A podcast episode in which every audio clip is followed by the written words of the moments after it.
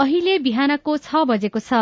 सामुदायिक सूचना नेटवर्क सीआईएनबाट अब प्रसारण हुँदैछ साझा खबर।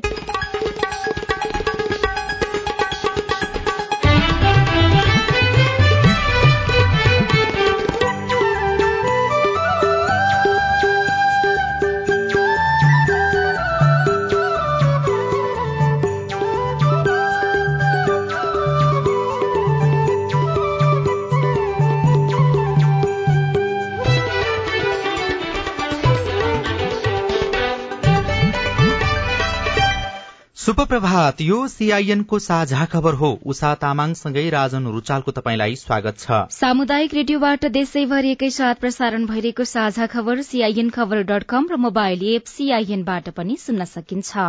आज दुई हजार उनासी साल असार सत्र गते शुक्रबार जुलाई एक तारीक सन् दुई हजार बाइस नेपाल सम्बत एघार सय बयालिस असाढ़ शुक्ल पक्षको द्वितीय तिथि।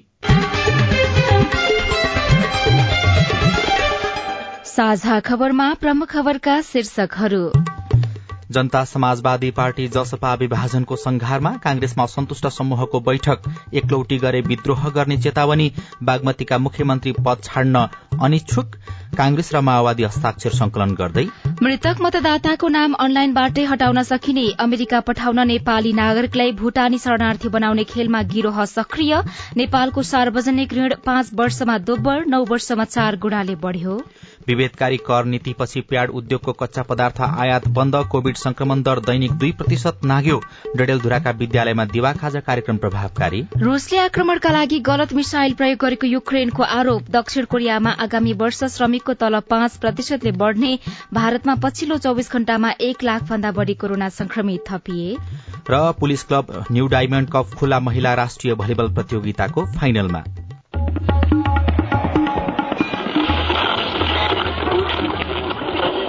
सयौं रेडियो।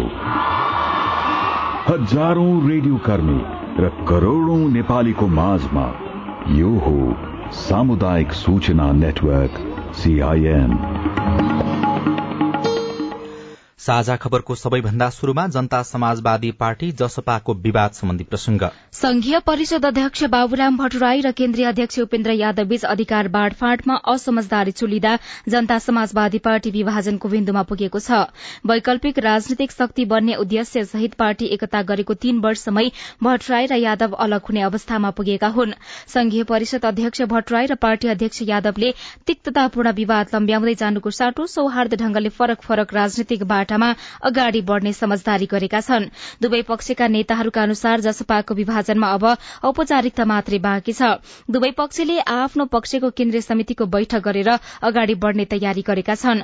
अध्यक्ष यादवले असार सत्ताइस र अठाइस गते वीरगंजमा केन्द्रीय समितिको बैठक बोलाइसकेको छ। अब सबै कुरा बाबुरामजीमा निर्भर छ। उहाँले जे गर्नुहुन्छ त्यही हुन्छ अध्यक्ष यादवले भन्नुभयो। भट्टराय पक्षधरले शुक्रबार आज छलफल गरेर आफ्नो धारणा सार्वजनिक गर्ने जनाएको छ। स्रोतका अनुसार भट्टराई पक्षले पनि छुट्टै बैठक बोलाउने तयारी गरेको छ।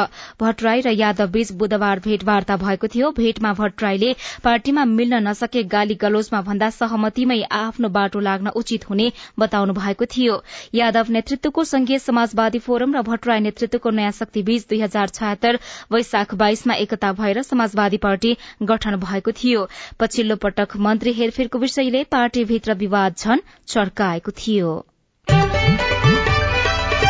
प्रमुख सत्तारूढ़ दल नेपाली कांग्रेसभित्र असन्तुष्टि बढ़ेको छ। महाधिवेशन सकिएको छ महिनामा बितिसक्दा सभापति शेरबहादुर देवालले पार्टीलाई विधान अनुसार अघि बढ़ाउन नसकेको र मनोमानी ढंगबाट चलाएको भन्दै इतर समूहले विद्रोहको चेतावनी दिएको छ।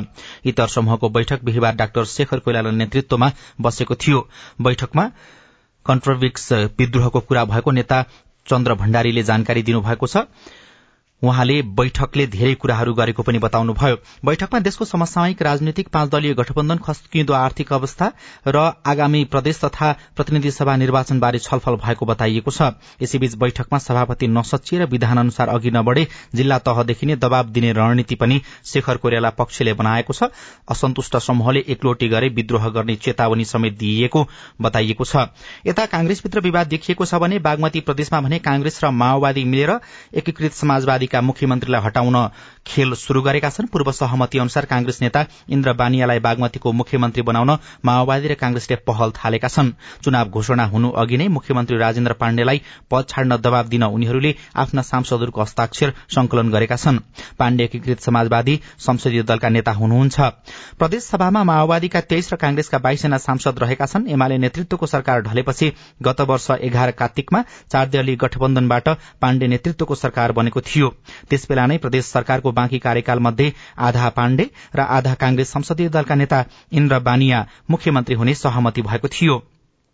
माओवादी र कांग्रेसले नयाँ मुख्यमन्त्री नियुक्तिका लागि प्रदेश प्रमुख समक्ष बहुमत हस्ताक्षर बुझाउन र सहमति कार्यान्वयनका लागि दबाव दिन हस्ताक्षर संकलन शुरू गरेको बताएका छन्। तर एक साताभित्रै सरकार परिवर्तन हुने इन्द्र बानिया नेपाली कांग्रेस संसदीय दलका नेताले बताउनु भएको छ नयाँ सरकार बनाउनको लागि हस्ताक्षर संकलन गरेका हौं शालिग्राम जमर कटेल माओवादी संसदीय दलका नेताको दावी छ। तर जे हुन्छ शीर्ष तहबाटै हुन्छ भनेर मुख्यमन्त्री राजेन्द्र पाण्डेले प्रतिक्रिया दिनुभएको छ। केही दिन यता कोरोना संक्रमण निरन्तर उकालो लागिरहेको छ। असार महिना लागेदेखि नै कोविड संक्रमण दर बढ़दै गएको हो। यो दर हिजो दुई प्रतिशत नागेको छ। अस्ति बुधबार तीन दशमलव आठ दुई प्रतिशत पुगेको थियो। जबकि पन्ध्र दिन अघि असार एकमा संक्रमण दर शून्य दशमलव छ चार प्रतिशत मात्र थियो। संक्रमण दर बढ़ेसँगै सक्रिय संक्रमितको संख्यामा पनि उल्लेख्य वृद्धि देखिएको छ। असार एक गते सन्तानब्बे सक्रिय संक्रमित रहेकामा हाल यो संख्या झण्डै तीन गुणा बढ़ेर दुई अस्सी पुगेको छ। छिमेकी भारतमा पछिल्लो दिन संक्रमण सघन बढ़दाकै असर हो होइन भन्ने निर्क्यौल गर्न स्वास्थ्य मन्त्रालयले सूक्ष्म अध्ययन थालेको जनाएको छ। दुई साता अघि काठमाडौँ उपत्यकामा दुईजनामा हैजा संक्रमण देखिएको थियो। स्वास्थ्य तथा जनसंख्या मन्त्रालयले सतर्क रहन अपील पनि गरेको थियो। तर नियन्त्रणमा हिलचेक्राएका कारण संक्रमण बढ़दै गएको छ।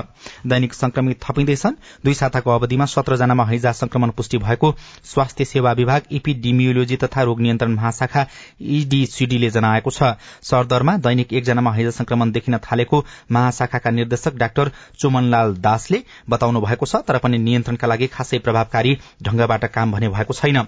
यसैबीच केयुकेएल र ट्याङ्करको पानीमा समेत हैजाको जीवाणु र झाडा पखालाको जीवाणु भेटिएको उल्लेख गरिएको छ। समयमै सावधानी नअपनाए भयावह अवस्था आउन सक्ने चिकित्सकहरूले बताएका छन्। पिउन योग्य पानी बिक्री गर्नेलाई पिउन अयोग्य पानी बिक्री गर्नेलाई कार्यवाही गर्ने महानिर्देशक खाद्य प्रविधि तथा गुण नियन्त्रण विभागका डाक्टर मतिना जोशी वैद्यले बताउनु भएको छ जताततै पिउन अयोग्य पानी वितरण भइरहेको देखिएको छ। गृहले पनि कार्ययोजना बनाएको छ आपूर्ति मन्त्रालयले अनुगमन गर्ने उल्लेख गरिएको छ। स्वास्थ्य तथा जनसंख्या मन्त्री भवानी प्रसाद खापुङले चिकित्सक र नर्सहरू दुर्गममा जान नमानेका कारण त्यहाँका नागरिक उपचार सेवाबाट वञ्चित हुने गरेको बताउनु भएको छ। मन्त्री नियुक्त भएको केही दिनमै विभिन्न जिल्लाबाट स्वास्थ्य कर्मी पठाइदिन आग्रह आएको भन्दै वहाँले सरकारले दुर्गम र अन्य क्षेत्रका गाउँमा चिकित्सक र नर्सलाई पठाउन समस्या भइरहेको स्वीकार्नुभयो। संघीयता कार्यान्वयनका क्रममा भएको समायोजन प्रक्रियामा समेत समस्या रहेको भन्दै मन्त्री खापुङले ग्रामीण क्षेत्रमा स्वास्थ्य कर्मीको अभाव भइरहेको बताउनुभयो। हामी गाउँ क्षेत्रमा डाक्टर पठाउनै सक्दैनौँ नर्स पठाउन सक्दैनौँ। कुनै क्षेत्रमा काम गर्न योग्य नर्स अथवा कोही पनि प्राविधिक कुनै पनि ठाउँमा जान मानसिकता चाहिँ बनाउँदा राम्रो हुन्छ कि जस्तो लाग्छ है? त्यो बनाउन सक्यो भने मात्रै त्यो सेवा पनि पुग्छ। सरकारले दुर्गम र ग्रामीण क्षेत्रमा जाने स्वास्थ्य कर्मीका लागि विशेष सेवा सुविधा उपलब्ध गराउँदै आए पनि समस्या समाधान हुन सकेको छैन। सरकारले तत्काल रगतको मूल्यमा भएको वृद्धिलाई नघटाउने बताएको छ। रक्तदाताले निशुल्क रूपमा उपलब्ध गराउने रगतमा तीन सय बीस प्रतिशतसम्मले मूल्य वृद्धि भएको छ। गत जेठ अठार गतेदेखि लागू हुँदै आएको उक्त मूल्यको चौतर्फी विरोध हुँदै आएको छ तर तत्काल मूल्य समायोजन हुने अवस्था नरहेको स्वास्थ्य तथा जनसंख्या मन्त्रालयले जनाएको छ। मन्त्रालयका सहप्रवक्ता डाक्टर समीर कुमार अधिकारीले रगत संकलन र भण्डारणमा लाग्ने खर्चको सुनिश्चितता भए मात्रै रगतमा भएको मूल्य वृद्धि हटाउन सकिने बताउनुभयो। तर लिनेबाट दिनेसम्म पुग्दाखेरि त्यो बीचमा त्यसमा रसायन खर्च होला भाँडाहरू खर्च होलान् जनशक्ति खर्च होला अरू कुराहरू होलान्। यो सबै पाटोहरूमा चाहिँ अहिले पछिल्लो समय प्रयोग हुने सामग्रीहरू भन्छौँ। ती सामग्रीहरू चाहिँ बजार मूल्य बढेपछि त्यसका कारणले लिने व्यक्तिसम्म पुग्दाखेरि अलिकति बढेको जस्तो देखिन्छ। स्वाभाविक रूपमा बजारमा बढेको मूल्य चाहिँ अब त्यो घटेर हामी त्यसलाई चाहिँ पहिलेकै अवस्थामा पुर्याउन सक्छौँ। त्यो सामानको भनेर भन्न सक्ने कुरा त हुन्न किनभने त्यो हाम्रो आफ्नो उत्पादन हुँदैन। तर त्यसका लागि लागेको खर्च कसरी व्यवस्थापन गर्ने भन्ने पाटोमा चाहिँ स्वास्थ्य मन्त्रालय सम्बन्धिकाहरूसँग समन्वयमा छ। त्यो खर्चको व्यवस्थापन गर्न लागि परेको छ गर्न सकियो भने निशुल्क दिएको रगत निशुल्क नै पाउने व्यवस्था हुन्छ। पहिलेकै मूल्यको मात्रै पनि कुरा गर्नु परेन। रगतको अभाव हुन नदिन व्यक्ति र सामाजिक संघ संस्थाले रेडक्रससँगको सहकार्यमा निशुल्क रक्तदान गर्दै आएका छन्। तर अस्पताल तथा ब्लड ब्याङ्कहरूले मनपरी रकम असुल्ने गरिएको भन्दै रक्तदाताहरूले समेत मूल्य वृद्धिको विरोध गरेका छनृ। स्वास्थ्यपछि अब शिक्षाको प्रसंग डडेलधुराका सामुदायिक विद्यालयमा संचालित दिवा खाजा कार्यक्रम प्रभावकारी बन्न थालेको छ। विद्यालयले बाल बालिकालाई बार अनुसार चना अण्डा खीर हलुवा जाउलो लगायतका पोसिलो खानेकुरा दिँदै आएको छ। यसले विद्यार्थीलाई विद्यालयमा नियमित गराउनमा सहजता भएको छ। डडेलधुराको अमरगढ़ी नगरपालिका पाँच खलंगा स्थित महेन्द्र माध्यमिक विद्यालयको कक्षा पाँचमा अध्ययनरत लक्ष्मण तिरुवा उहाँलाई दुई वर्ष अघिसम्म नियमित विद्यालय जान मन लाग्दैन थियो। तर हिजो आज उहाँ नियमित विद्यालय जानुहुन्छ। मस्त खिचडी दिन्छन् कहिले दाल भात कहिले केरा दिन्छन् कहिले सन्तोला कहिले स्याउ अन्डा पनि दिन्छन् त्यहाँ हामीले स्कुलमा खान्छौँ। डडेलधुरामा हाल दुई सय सडचालिस सामुदायिक विद्यालय छन् जहाँ उन्चालिस हजार एक सय एक्कासी बाल बालिका अध्ययन गर्छन्। जसमध्ये जिल्लाको दुई सय सड़चालिस विद्यालयमै दिवा खाजा कार्यक्रम सञ्चालनमा रहेको छ। विद्यालयमा दिवा खाजा कार्यक्रम शुरू भएदेखि बाल बालिकालाई विद्यालय पठाउन पनि सहज भएको छ। एकजना अभिभावक सेतु ठगुन्ना। बच्चाहरू जङ्क फुड खाँदैनन्। पहिले मेरो बच्चा पनि धेरै बाहिरको खाना खान्थ्यो। अहिले स्कुलमा दियो खाना छ त्यही भएर बाहिरको खाना खाँदैन। हामीलाई पनि अभिभावकलाई पनि सजिलो भयो। सरकारले दिवा खाजा कार्यक्रमका लागि डडेलधुरा जिल्लामा वार्षिक दुई लाख छयासी हजार रकम विनियोजन गर्दै आएको छ जसबाट जिल्लाभरका उन्नाइस हजार सत्तरी बाल बालिका लाभान्वित भइरहेका छन्। हाम्रो विद्यालयमा चाना पाक्छ खिचडी पाक्छ फ्राइड राइस पाक्छ मेरो नाम अमित विके पाँच कक्षामा पढ्छु। हामीलाई घरदेखि नलगेर खाजा स्कुलमा मिल्छ धेरै प्रकारका खाना मिल्छन्। एक वर्ष अघि विद्यालयमा नियमित बाल बालिका आउने दर कम मात्रामा थियो भने दिवा खाजा शुरू भएपछि त्यो दर बढेको छ। अझै मेरो गाउँपालिकाका शिक्षा शाखा प्राविधिक सहायक हरिप्रसाद पन्त। प्रभावकारिता नै ल्याएको शैक्षिक पहुँच बढाउनमा अर्थात् विद्यार्थीको उपस्थिति वृद्धि गर्नमा यसको सकारात्मक प्रभाव नै परेको देखिन्छ। सरकारले बाल विकासदेखि कक्षा पाँचसम्मका बाल बालिकालाई लक्षित गरी दिवा खाजा कार्यक्रम लागू गरेको छ। पौष्टिक आहार र स्थानीय परिकार दिवा खाजा कार्यक्रमको प्राथमिकतामा परेको छ। बाल बालिकाको स्वास्थ्यलाई ध्यानमा राखी र उनीहरूको शैक्षिक स्तर उकास्नका लागि शुरू गरिएको दिवा खाजा कार्यक्रमले गर्दा बाल बालिका पनि खुशी भएका छन्। Bhawana Poudel CIN radio Amargadhi Dadeldhura.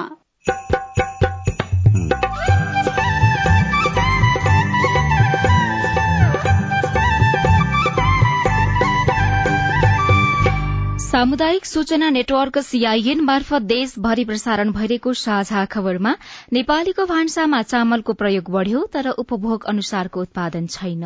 बाहिरबाट चाहिँ चामल किनेर लिएर आउने र त्यही चामलमै निर्भर। साँझ बिहान चामल खाने। दुई महिनामा तिन महिनामा चार महिनामा एकचोटि आटो खाने गर्छौँ। केटाकेटीले प्राय आटो खाँदैनन् रोटी पनि खाने मान्दैनन्। मृतक मतदाताको नाम अनलाइनबाटै हटाउन सकिने विभेदकारी कर नीतिपछि प्याड उद्योगको कच्चा पदार्थ आयात बन्द लगायतका खबर बाँकी नै छन्। सीआईएनको साझा खबर सुन्दै गर्नुहोला। पुराना साझा सहकारी संघ संस्थामा रहेको ऋण तथा रोक्का जग्गाको विवरण पठाउने सम्बन्धी सहकारी विभागको अत्यन्त जरूरी सूचना। दुई हजार उनपचास जेठ दुई गते भन्दा अघि सञ्चालनमा रहेको साझा सहकारी संस्था र संस्थाका सदस्यहरूले आगामी श्रावण सत्र गते भित्र सहकारी विभागको वेबसाइट डब्लूडब्लूडब्लू डट राखिएको फारमहरू डाउनलोड गरी माग गरिएको विवरणहरू भरि प्रमाणित गराई सहकारी विभागको ठेगाना वा इमेल सहकारी विभाग at the rate Gmail dot com मार्फत पठाउनु हुन अनुरोध गरिन्छ। एक सदस्यहरूले साझा सहकारी संस्थालाई तिर्न बुझाउन बाँकी रहेको सावा ब्याज हर्जना समेत जम्मा तिर्नुपर्ने दायित्वको रकम। दुई साझा सहकारी संस्थाका सदस्यको नाममा रहेको घर जग्गा र रोक्का राख्ने बैंकको विवरण। तीन साझा सहकारी संस्थाका सदस्यहरूलाई ऋण प्रवाह गर्ने सिलसिलामा तत्कालीन साझा सहकारी संघ संस्थाले कृषि विकास बैंकसँग लिएको ऋणको विवरण। प्रदेश सहकारी मन्त्रालय प्रदेश रजिस्ट्रारको कार्यालय तथा सबै स्थानीय तहहरू र राष्ट्रिय सहकारी महासंघ केन्द्रीय सहकारी संघ र जिल्ला सहकारी संघहरूले समेत यसै सूचनालाई आधार मानि विवरण भर्ने भराउने कार्यमा सहजीकरण गरिदिन हुन विभाग अनुरोध गर्दछ। यही श्रावण सत्रभित्र विवरण पेश हुन नआएमा पछि छुट हुन गएको भनी माग दावी गर्न पाइने छैन। थप जानकारीको लागि असार पन्ध्र गतेको गोर्खा पत्र अन्नपूर्ण पोस्ट वा नयाँ पत्रिका हेर्नुहोला अथवा विभागको website WWW dot DEOC dot GOV dot NP हेर्नुहोला। सहकारी विभाग नयाँ बानेश्वर काठमाडौँ। सामाजिक रूपान्तरणका लागि यो हो सामुदायिक सूचना नेटवर्क सीआईएन तपाईँ अहिले देशभरिका सामुदायिक radio CIN Khabar dot com र मोबाइल एप सीआईएनबाट एकैसाथ साझा खबर सुन्दै हुनुहुन्छ। अब आज काठमाडौँबाट प्रकाशित पत्र पत्रिकाको खबर। गोर्खापत्र दैनिकले पहिलो पृष्ठमा मृतक मतदाताको नाम अनलाइनबाटै हटाउन सकिने शीर्षकमा खबर छापेको छ। निर्वाचन आयोगले मतदाता नामावलीमा सूचीकृत मृतकको नाम अनलाइनबाटै हटाउन सक्ने व्यवस्था गर्न लागेको छ। यसरी अनलाइनबाट नाम हटाउँदा जटिलता पनि आउन सक्ने सम्भावना रहेको अनुमान गर्दै आयोगले यसमा सबैलाई संवेदनशील भएर प्रयत्न गर्न पनि आग्रह गरेको छ। प्रमुख निर्वाचन आयुक्त दिनेश कुमार थपलियाले मतदाता नामावली दर्तासँगै सूचीकृत नाम हटाउने काम पनि अनलाइनबाटै गर्न मिल्ने व्यवस्था गर्न लागेको उहाँले बताउनुभयो। त्यसअघि प्रमुख निर्वाचन आयुक्त थपलियाले मृतक मतदाताको नाम हटाउने जिम्मेवारी आयोग मात्रैको नरहेको बताउनु भएको थियो। कान्तिपुर दैनिकमा विभेदकारी रणनीतिपछि प्याड उद्योगको कच्चा पदार्थ आयात बन्द। बजेट मार्फत प्याड आयातमा नब्बे प्रतिशतसम्म छूट दिने घोषणापछि चालिस उद्योग र छ हजार कामदारको रोजगारी धराशायी हुने जोखिम शीर्षकमा खबर छापेको छ। यो खबर सीमा तामाङले लेख्नु भएको हो। सरकारले बजेट वक्तव्य मार्फत सेनिटरी प्याड आयातमा नब्बे प्रतिशतसम्म छूट दिने घोषणासँगै स्वदेशी उद्योगीले कच्चा पदार्थ आयात बन्द गरेका छन्। वार्षिक आठदेखि दस अर्ब रूपियाँसम्मको कच्चा पदार्थ आयात गर्ने स्वदेशी प्याड उद्योगले जेठ पन्ध्र यता सामान मगाएका छैनन्। अर्थमन्त्री जनार्दन शर्माले आगामी आर्थिक वर्षका लागि गत जेठ पन्ध्रमा सदनमा बजेट प्रस्तुत गर्नुभएको थियो। त्यस यता कुनै पनि उद्योगले कच्चा पदार्थ नमागेको र जेठ पन्ध्र अघि नै मगाएको करिब एक अर्ब रूपियाँ बराबरको कच्चा पदार्थ भने आउने क्रममा रहेको सेनिटरी प्याड उत्पादक संघका अध्यक्ष डोलराज अधिकारीले बताउनुभयो। कान्तिपुर दैनिकको पहिलो पृष्ठमा हेमन्त जोशीले लेख्नु भएको खबर छापिएको छ। सार्वजनिक ऋणको भार ऋणको शासन शीर्षकमा यो खबर। छापिएको छ। सार्वजनिक ऋण पछिल्लो पाँच वर्षमा दोब्बर र नौ वर्षमा झण्डै चार गुणाले बढ़ेको छ। दशकको शुरूआतमा साढे पाँच खर्ब रूपियाँ बराबरको सार्वजनिक ऋण थियो। मध्यतिर यो नौ खर्ब रूपियाँ पुग्यो। अहिले अठार खर्ब पचपन्न अर्ब कटेको छ। आगामी आर्थिक वर्षका लागि थप चार खर्ब अन्ठानब्बे अर्ब ऋण उठाउने सरकारी योजना रहेको छ। निर्वाचनको वर्ष दुई हजार चौहत्तरमा सार्वजनिक ऋण नौ खर्ब सत्र अर्ब र अर्को वर्ष दश खर्ब अडचालिस अर्ब बराबर रहेकोमा तेस्रो वर्ष एकैपटक चार खर्बले बढ़ेर चौध खर्ब तेत्तीस अर्ब पुगेको थियो। चौथो वर्षमा सत्र खर्ब सैतिस अर्ब पुगेको ऋण चालू आर्थिक वर्षको नौ महिनासम्म आइपुग्दा साढे अठार खर्ब नाघेको छ। असार मसान्तसम्म यो ऋण अझै बढ़नेछ। सरकारले तिर्न बाँकी ऋण मध्ये आठ खर्ब उनासी अर्ब आन्तरिक र नौ खर्ब छयत्तर अर्ब वैदेशिक ऋण रहेको छ। नेपालले वैदेशिक ऋण अमेरिकी डलर युरो चिनिया युयान त्यस्तै जापानी ऐन र पाउण्ड स्टर्लिङमा ऋण लिने गरेको छ तर तिर्दा भने विदेशी मुद्रा नै दिनुपर्छ। नेपाली मुद्रा निरन्तर अवमूल्यन हुने भएकाले ऋण लिँदा भन्दा तिर्दा धेरै बजेट छुट्याउनु पर्ने बाध्यता रहेको छ। त्यस्तै कान्तिपुर दैनिकको पहिलो पृष्ठमै नेपालीलाई भूटानी शरणार्थी बनाउने खेल शीर्षकमा मातृका दाहालले लेख्नु भएको खबर छापिएको छ। भूटानी शरणार्थी परिचय पत्र बनाएर अमेरिका पठाउन संगठित गिरोहले एक हजार सत्रजना गैर शरणार्थी युवाको विवरण गृह मन्त्रालयमा बुझाएको पाइएको छ। गिरोहले राजनैतिक दलका नेता प्रशासक र बिचौलियाको मिलेमतोमा समेत सूची तयार पारेर बुझाएको गृहका एकजना उच्च अधिकारीले बताएका छन् गैर शरणार्थी नेपाली युवाको सूची भने सार्वजनिक गरिएको छैन। गिरोहले युवालाई शरणार्थी बनाएर अमेरिका लैजाने ग्यारेन्टी सहित जनही न्यूनतम बीस लाख रूपियाँ उठाएर सूची तयार पारेको हो। शरणार्थीको आवरणमा अमेरिका पठाइदिने खेलमा गिरोहले सयौं युवाबाट दश करोड़ रूपियाँ भन्दा बढ़ी रकम उठाएको उजुरी परेपछि छानबिन चलिरहँदा पनि गिरोहले परिचय पत्र दिलाउन चलखेल गरिरहेको स्रोतले बताएको छ। ठगीका विषयमा अनुसन्धान गरिरहेको काठमाडौँ उपत्यका अपराध अनुसन्धान कार्यालयले अहिलेसम्म गिरोहका कसैलाई पनि पक्राउ भने गरेको छैन। कृषि मजदूरीमा बेलायत जाने क्रेज नेपालमा कुनै म्यान पावर कम्पनी वा एजेन्ट नियुक्त नगरेको बेलायती कम्पनीको भनाई तर आफूहरूको पहुँच भएको भन्दै पाँच लाख रूपियाँसम्म असुल्दै एजेन्ट शीर्षकमा कान्तिपुर दैनिकमा होम कार्कीले खबर लेख्नु भएको छ। बेलायतले दुई हजार बाइसमा मात्र नेपालसहित पन्ध्र देशबाट तीस हजार जना विदेशी ल्याउने कोटा छुट्याएको छ। आवश्यक परेमा थप दस हजार जना लैजाने घोषणा गरिसकेको छ। बेलायतको गृह मन्त्रालयका अनुसार सिजनल वर्किङ भिजामा गएका मौसमी कामदार एक वर्षभित्र जम्मा छ महिना मात्रै बस्न पाउनेछन्। छन्। वीजाको अवधि समाप्त भएपछि आफ्नै देश फर्कनुपर्छ। अर्को रोजगारदातासँग काम गर्न पाइने छैन। मौसमी कामदारले तरकारी र फलहरू टिप्ने टनेलभित्र काम गर्ने सिंचाई प्याक हाउस ट्र्याक्टर चलाउने सुपरभाइजरको काम गर्ने मात्रै सुविधा छ। हेभी ड्राइभर र बुचरलाई दिँदै आएको सुविधा भने खारेज भइसकेको छ। साझा खबरमा अब हेलो सिआइएन सजना तिमल सिन्हाबाट। नमस्कार पञ्चदेव विनायक नगरपालिकादेखि तहङ्क सही राष्ट्रिय परिचय पत्र बनाएको एक वर्ष भइसक्दा पनि राष्ट्रिय परिचय पत्र कार्ड अहिलेसम्म नआउनुको मुख्य कारण के हो बुझ्न चाहन्छु। जवाफ दिँदै हुनुहुन्छ राष्ट्रिय परिचय पत्र तथा पञ्जीकरण विभागका निर्देशक ललित बस्नेत। हो हामीले कार्ड चाहिँ छपाईको काम सुरु गरेका छौँ। हामीसँग अहिलेसम्म पचहत्तर लाख नागरिकको विवरण सङ्कलन भएको छ। यहाँहरूको इनरोलमेन्ट गरेको समय क्रम अनुसारले चाहिँ कार्ड छाप्ने काम भइराखेको छ। मलाई लाग्छ अबको दुई चार महिनाभित्र चाहिँ यहाँको पालो आउँछ र कार्ड छापिसकेपछि यहाँलाई तपाईँको कार्ड चाहिँ छापिएको छ। यो सङ्कलन केन्द्रबाट सङ्कलन गर्नुहोला भनेर मेसेज पनि आउँछ। म नवराज घिमिरे मेरो घर भीमसेन थापा गाउँपालिका वार्ड नम्बर एक गोर्खा। मेरो गाउँपालिकाको नाम भीमसेन र थापा एकै ठाउँमा जोडिएको हुनुपर्छ। तर मैले पासपोर्ट बनाउन जाँदा भीमसेन थापा गाउँपालिकाको ठाउँमा भीमसेन र थापा अलग अलग लेखिएको छ। अब मैले नाता प्रमाणित गर्न जाँदा भीमसेन थापा गाउँपालिकामा भीमसेन र थापा एकै ठाउँमा जोडिएको अवस्था छ। अब अहिलेसम्म पनि यो भीमसेन थापा गाउँपालिकाको नाम केन्द्रमा र स्थानीय तहमा एउटै किन भएन र मेरो समस्याको समाधान कसरी हुन्छ? तपाईँको प्रश्न हामीले संघीय मामिला तथा सामान्य प्रशासन मन्त्रालयका प्रवक्ता वसन्त अधिकारीलाई सुनाएका छौँ। थापा छुट्टेको एकैठाउँमा जोडिएको एउटै हो भन्ने कुरो बेहोरा छ त्यसले आर्थिक असर चाहिँ पार्दैन। तर स्थानीय तहसँग जोडेको विषय भनेको चाहिँ स्थानीय तहबाट जे सिफारिस भयो राजधानी विभागबाट त्यही बनियो आधार प्रमाण भनेको स्थानीय तहले जिल्ला प्रशासन कार्यालयले दिन्छ। जिल्ला प्रशासन कार्यालयले राजधानी विभागमा पठाउँछ। राज्य बनाउन राजधानी बनाउनलाई। तर उहाँले सुरुमै सिफारिस लिँदै हेर्नुपर्छ त्यो विषय। हेरेको भए त्यो खास फरक पर्थेन। अहिले पनि त्यो भीमसेन थापा जोडिनु र छुट्याउनेलाई त्यसलाई चाहिँ अब व्याकरणको हिसाबले अब चाहिँ छुट एकै ठाउँमा हुन्छ नाम त्यो छुट्टा छुट्टै हुन्छ। भीमसेन र थापा नाम र थ त फरक फरक हुन्छ।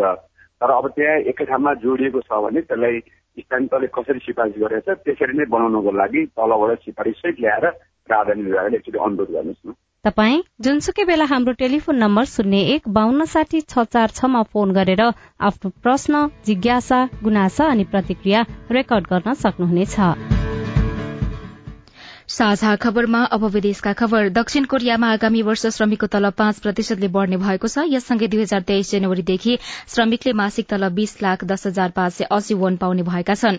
यो कोरियाका सबै उद्योगहरूमा समान रूपमा लागू हुनेछ। पछिल्लो समय भारतमा कोरोना संक्रमितको संख्या बढ़दै गएको छ। गएको चौविस घण्टामा उन्नाइस हजार एक सय अठार जना कोरोना भाइरसका संक्रमित थपिएका छन्। हाल भारतमा सक्रिय संक्रमितको संख्या एक लाख तेइस हजार छ सय त्रिहत्तर रहेको छ। सक्रिय संक्रमित एक लाख भन्दा बढ़ी भएको गत छ महिना यता पहिलो पटक हो।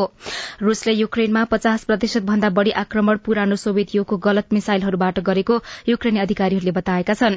पुरानो सोभियत युगको मिसाइलहरूको प्रयोगबाट छोटो समय र कम प्रहारमै नागरिकको जीवनमा ठूलो क्षति पुर्याइरहेको युक्रेनले जनाएको छ र नाइजेरियाका एकजना सिनेटर इके एकबेरिमाडुलाई मानव तस्करी गरेको अभियोग लागेको छ। अब खेल खबर विभागीय टोली नेपाल पुलिस क्लब शीर्ष स्थानमा रहँदै बागमती प्रदेश न्यू डायमण्ड कप खुला महिला राष्ट्रिय भलिबल प्रतियोगिताको फाइनलमा प्रवेश गरेको छ। हिजो भएको लीग चरणको अन्तिम खेलमा अर्को विभागीय टोली एपीएफ क्लबलाई तीन एकको सेटमा हराउँदै पुलिसले शीर्ष स्थान हासिल गरेको हो। एपीएफ पनि दोस्रो स्थानमा रहँदै फाइनल प्रवेश गरेको छ। र नेपालको A division club New Road team एनआरटीले टुवान Yang तेरूतमा TYT cup football प्रतियोगिताको पहिलो खेलमा फराकिलो हार बिहोरेको छ। मलेसियाको पेनाङमा हिजो भएको खेलमा एनआरटी इण्डोनेसियाको लीग टू क्लब कारो एफसीसँग पाँच एक गोल अन्तरले पराजित भएको हो। खानामा चामलको प्रयोग बढ़्यो। उपभोग अनुसार उत्पादन भने बढ़ेन। रेडियो रिपोर्ट स्वस्थ जीवनशैली सम्बन्धी सन्देश अरू खबर र कार्टुन पनि बाँकी नै छ। सीआईएनको साझा खबर सुन्दै गर्नुहोला।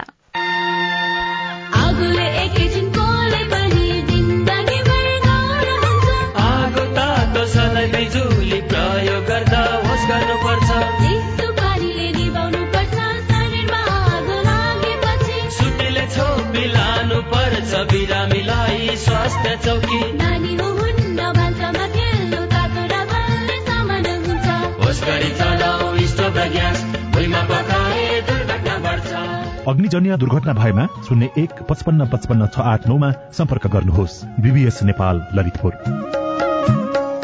सामाजिक रूपान्तरणका लागि यो हो सामुदायिक सूचना नेटवर्क सीआईएन साझा खबरमा अब चामलको उपभोग र उत्पादन बीच तालमेलको कुरा। नेपालमा सबैभन्दा बढ़ी उत्पादन हुने बाली मध्ये धान पहिलो नम्बरमा पर्छ। हरेक वर्ष पचासदेखि साठी लाख मेट्रिक टनसम्म धान उत्पादन भए पनि माग धान्न सकिरहेको छैन। तीसको दशकमा धान बेच्ने नेपाल अहिले वर्षमा झण्डै पचास अर्बको धान चामल किन्छ। धानको उपभोग बढ़्यो कि घट्यो? दार्चुलाको मालिकार्जुन गाउँपालिका वडा नम्बर आठका धनीदत्त पन्त उमेरले सत्तरी पुग्नुभयो तर शरीर अझै तन्दुरुस्त छ जसको एकमात्र कारण हो खानपान। विगतमा धान उत्पादन कम हुने भएकाले कोदो मकै गहुँ जस्ता खानेकुरा बढ़ी प्रयोग हुन्थ्यो तर अहिले जीवनशैली फेरिएको छ। जब रोड विकास आयो रोडले गर्दाबाट आयो मात्रै मध्ये रोटो खाने चाहिएका दुका एक पनि दुलाई खायो उनलाई भात सल्यानका पुष्कर बस्नेतको घरमा बिहान बेलुका नै खानामा चामल प्रयोग हुन्छ। केही वर्ष अघिसम्म कम्तीमा एक छाक च्याख्ला ढिँडो अथवा रोटी खाने गरेको भए पनि अहिले त्यो चलन छैन। हामीले पहिला जसरी भात खाने गर्थ्यौँ अडचालिस सालभन्दा अगाडि हामीले अहिलेको अवस्थामा दुई महिनामा तिन महिनामा चार महिनामा एकचोटि आटो खाने गर्छौँ। केटाकेटीले प्राय आटो खाँदैनन् रोटी पनि खाने मान्दैन बाजुराका कपुर शाही र रायवन विश्वकर्मा पनि दैनिक खानामा चामलको प्रयोग बढेको बताउनुहुन्छ। नेपालमा हरेक वर्ष अस्सी लाख मेट्रिक टन चामल खपत हुने गरेको तथ्याङ्क छ जुन दाना बिउ र बियर लगायत मदिरा बनाउन प्रयोग हुन्छ। कोदो र मकै प्रशस्त उत्पादन हुने क्षेत्रमा समेत दैनिक खानामा चामलकै प्रयोग बढ़ेको छ। पाल्पाका देवी पौडेल। खेतीपाती नै कम गर्ने। बाहिरबाट चाहिँ चामल किनेर लिएर आउने र त्यही चामलमै निर्भर। साँझ बिहान चामल खाने। भन्सार विभागका अनुसार दस महिनामा सत्र लाख टन धान र पच्चीस लाख टन चामल आयात भएको छ। जसका लागि पैंतालिस अर्ब रूपियाँ भन्दा बढ़ी रकम बाहिरिएको छ। नेपालमा भारत लगायत चीन अमेरिका दक्षिण कोरिया भियतनाम थाइल्याण्ड लगायतका मुलुकबाट चामल आयात हुने गरेको छ। जसमा सत्तरी प्रतिशत मसिनो तथा बास्नादार चामल छ। बदलिँदो विलासी जीवनशैलीले अर्थतन्त्रमा समेत चुनौती थपिरहेको पूर्व अर्थ सचिव कृष्ण हरि बास्कोटा बताउनुहुन्छ। यो चाहिँ पुलाउको निमित्त यो चाहिँ यस्तो भनेर जुन एउटा विज्ञापन गर्छन् राम्रोसँग ती महँगा चामल हुन्छन् यो चाहिँ अब अरबको बादशाहले खाने चामल हो अथवा यो चाहिँ युरोपका धनी मान्छेले खाने चामल हो भनेको आधारमा पनि हामीले किन्ने प्रवृत्तिले पनि हामीले चाहिँ चामल आयात गरिरहेछौँ। राइस स्ट्राटेजी फर नेपाल शीर्षकको एक शोध पत्रले सन् दुई हजार पैंतिससम्म नेपाललाई वार्षिक एक करोड़ दुई लाख साठी हजार मेट्रिक टन चामल आवश्यक पर्न सक्ने अनुमान गरेको छ। तर हालको उत्पादकत्वले त्यो आँकडा भेटाउन मुस्किल देख्नुहुन्छ।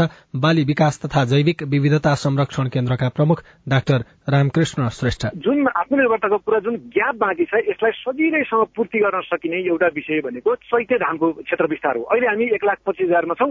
यसलाई हामीले कम्तीमा चाहिँ दुई लाख पचास हजार पुर्याउनु पर्छ भनेको छौँ। हाम्रो पन्ध्र योजनाले पनि त्यही भनेको छ। त्यसमा चाहिँ सबैभन्दा ठूलो बाधा सिंचाइ छ। कृषि मन्त्रालयका अनुसार नेपालमा कुल चालिस लाख सत्तरी हजार हेक्टर जग्गा धान खेतीका लागि योग्य छ तर त्यसको तीस प्रतिशतमा मात्रै सिंचाइ सुविधा उपलब्ध छ। बाँकी जमीनमा समेत सिंचाइ पुर्याउन सके उत्पादन केही बढ़ाउन सकिने विज्ञहरू बताउँछन्। अविनाश आचार्य सीआईएन काठमाडौँ। रिपोर्टसँगै हामी साझा खबरको अन्त्यमा आइपुगेका छौं। सामुदायिक रेडियो प्रसारक संघद्वारा संचालित सीआईएनको बिहान छ बजेको साझा खबर सक्नु अघि मुख्य मुख्य खबर फेरि एकपटक।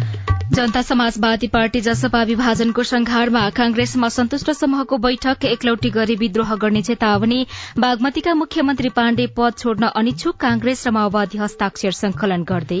मृतक मतदाताको नाम अनलाइनबाटै हटाउन सकिने अमेरिका पठाउन नेपाली नागरिकलाई भूटानी शरणार्थी बनाउने खेलमा गिरोह सक्रिय नेपालको सार्वजनिक सार्वजनिक ऋण पाँच वर्षमा दोब्बर नौ वर्षमा चार गुणाले बढ़्यो। विभेदकारी कर नीतिपछि प्याड उद्योगले कच्चा पदार्थ आयात बन्द। कोविड संक्रमण दर दैनिक दुई प्रतिशत नाघ्यो डडेलधुराका विद्यालयमा दिवा खाजा कार्यक्रम प्रभावकारी। रूसले आक्रमणका लागि गलत मिसाइल प्रयोग गरेको युक्रेनको आरोप। दक्षिण कोरियामा आगामी वर्ष श्रमिकको तलब पाँच प्रतिशतले बढ़ने। र police club new diamond cup खुल्ला महिला राष्ट्रिय भलिबल प्रतियोगिताको फाइनलमा। साझा खबरको अन्त्यमा कार्टुन लिएका छौं राजधानी दैनिकबाट कुरी शीर्षकमा उत्तम नेपालले बनाउनु भएको कार्टुन छ। यहाँ पानी दरर दर्किराखेको छ। एकजना व्यक्ति छाता ओढेर हिँडिराखेका छन्। पार्टी कार्यालयमा पुगेको जस्तो देखिन्छ। कम्युनिष्टहरूको पार्टी कार्यालय जस्तो देखिएको छ। नेता जस्ता देखिने व्यक्ति छन्। उनी केही भनिरहेका छन्। अनि तल चाहिँ यस्तो लेखिएको छ। तेरी उसै त स्वतन्त्रहरूले निद हराम गरिरहेछन्। तपाई फेरि यस्तो लौरो भएको छाता ओढेर आउने? हवस् त। प्राविधिक साथी सुनिल राज भारतलाई धन्यवाद। अहिलेलाई राजन रचाल र उषा तामाङ विदा भयौं। तपाईँको आजको दिन शुभ होस्। नमस्कार। यसपछि देशभरिका सामुदायिक रेडियोबाट कार्यक्रम हेलो सांसद प्रसारण हुनेछ। सुन्ने प्रयास गर्नुहोला।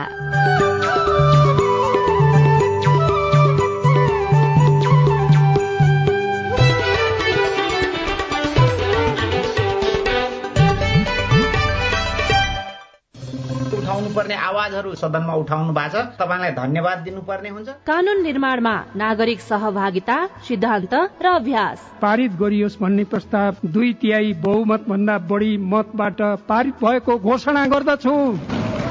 कानून कार्यान्वयनमा सांसद र संसदको जवाफदेहिता। म मैले गरेका प्रत्येक कामको जवाफदेहिता बोक्न तयार छु। संसदीय प्रक्रियामा जनता र सरकारवाला निकायको नजर। युवाको क्षेत्रमा त्यति धेरै काम भएको छैन। युवालाई चाहिँ ओजरमै राखेर अहिले काम भइरहेको छ। युवाहरूलाई चाहिँ रोजगारीमा जोड्नुपर्छ भनेर अहिले केही कार्यक्रमहरू पनि सञ्चालन गरेका छौँ। नेतृत्वदेखि नेतासम्म युवा सीमान्तकृत वर्ग जाति अल्पसंख्यकका सवालहरू। जनताको कुरा राख्ने ठाउँ संसदै हो। हामी कार्यपालिका होइन व्यवस्थापिका हो। नीति निर्माण गर्ने हो अब सवाल मात्रै होइन जवाबसँगै देखिन्छ प्रभाव पनि कार्यक्रम। हेलो सांसद।